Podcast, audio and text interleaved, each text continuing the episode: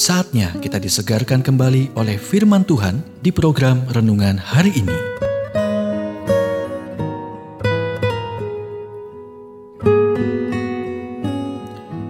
Renungan hari ini berjudul Bersyafaat dengan Tuhan untuk mereka.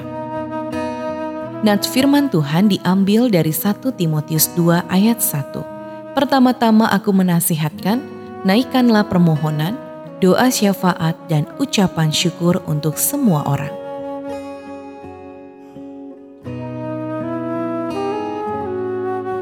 Paulus menulis, pertama-tama aku menasihatkan, naikkanlah permohonan, doa syafaat dan ucapan syukur untuk semua orang, untuk raja-raja dan untuk semua pembesar, agar kita dapat hidup tenang dan tentram dalam segala kesalehan dan kehormatan Itulah yang baik dan yang berkenan kepada Allah, Juru Selamat kita, yang menghendaki supaya semua orang diselamatkan dan memperoleh pengetahuan akan kebenaran. 1 Timotius 2 ayat 1 sampai 4. Bersyafaat berarti menengahi antara pihak-pihak dengan maksud untuk mendamaikan mereka yang berbeda atau berselisih.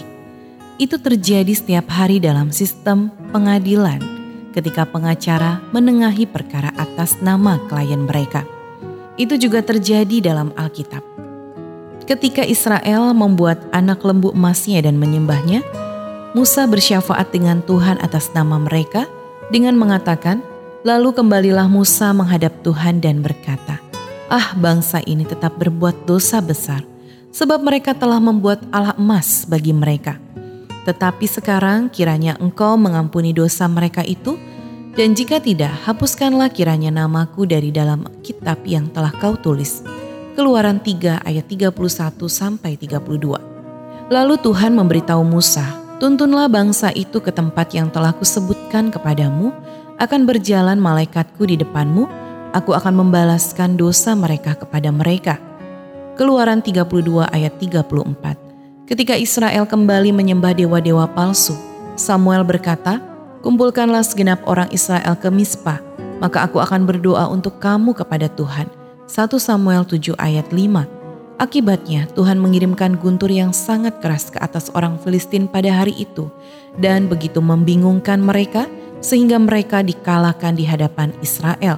1 Samuel 7 ayat 10 Bersyafaat bisa dikerjakan secara pribadi, dan itu juga kerja keras.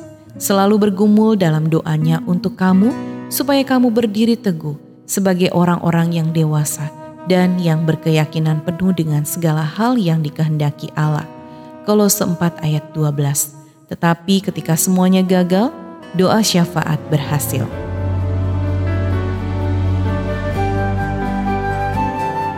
Kita telah mendengarkan renungan hari ini. Kiranya renungan hari ini terus mengarahkan kita mendekat kepada Sang Juru Selamat, serta menjadikan kita bertumbuh dan berakar di dalam Kristus. Renungan hari ini tersedia dalam bentuk buku maupun digital dan bisa Anda miliki dengan menghubungi Japri di WhatsApp 0812 8784 7210 atau email ke infoapripusat@gmail.com. Tuhan memberkati.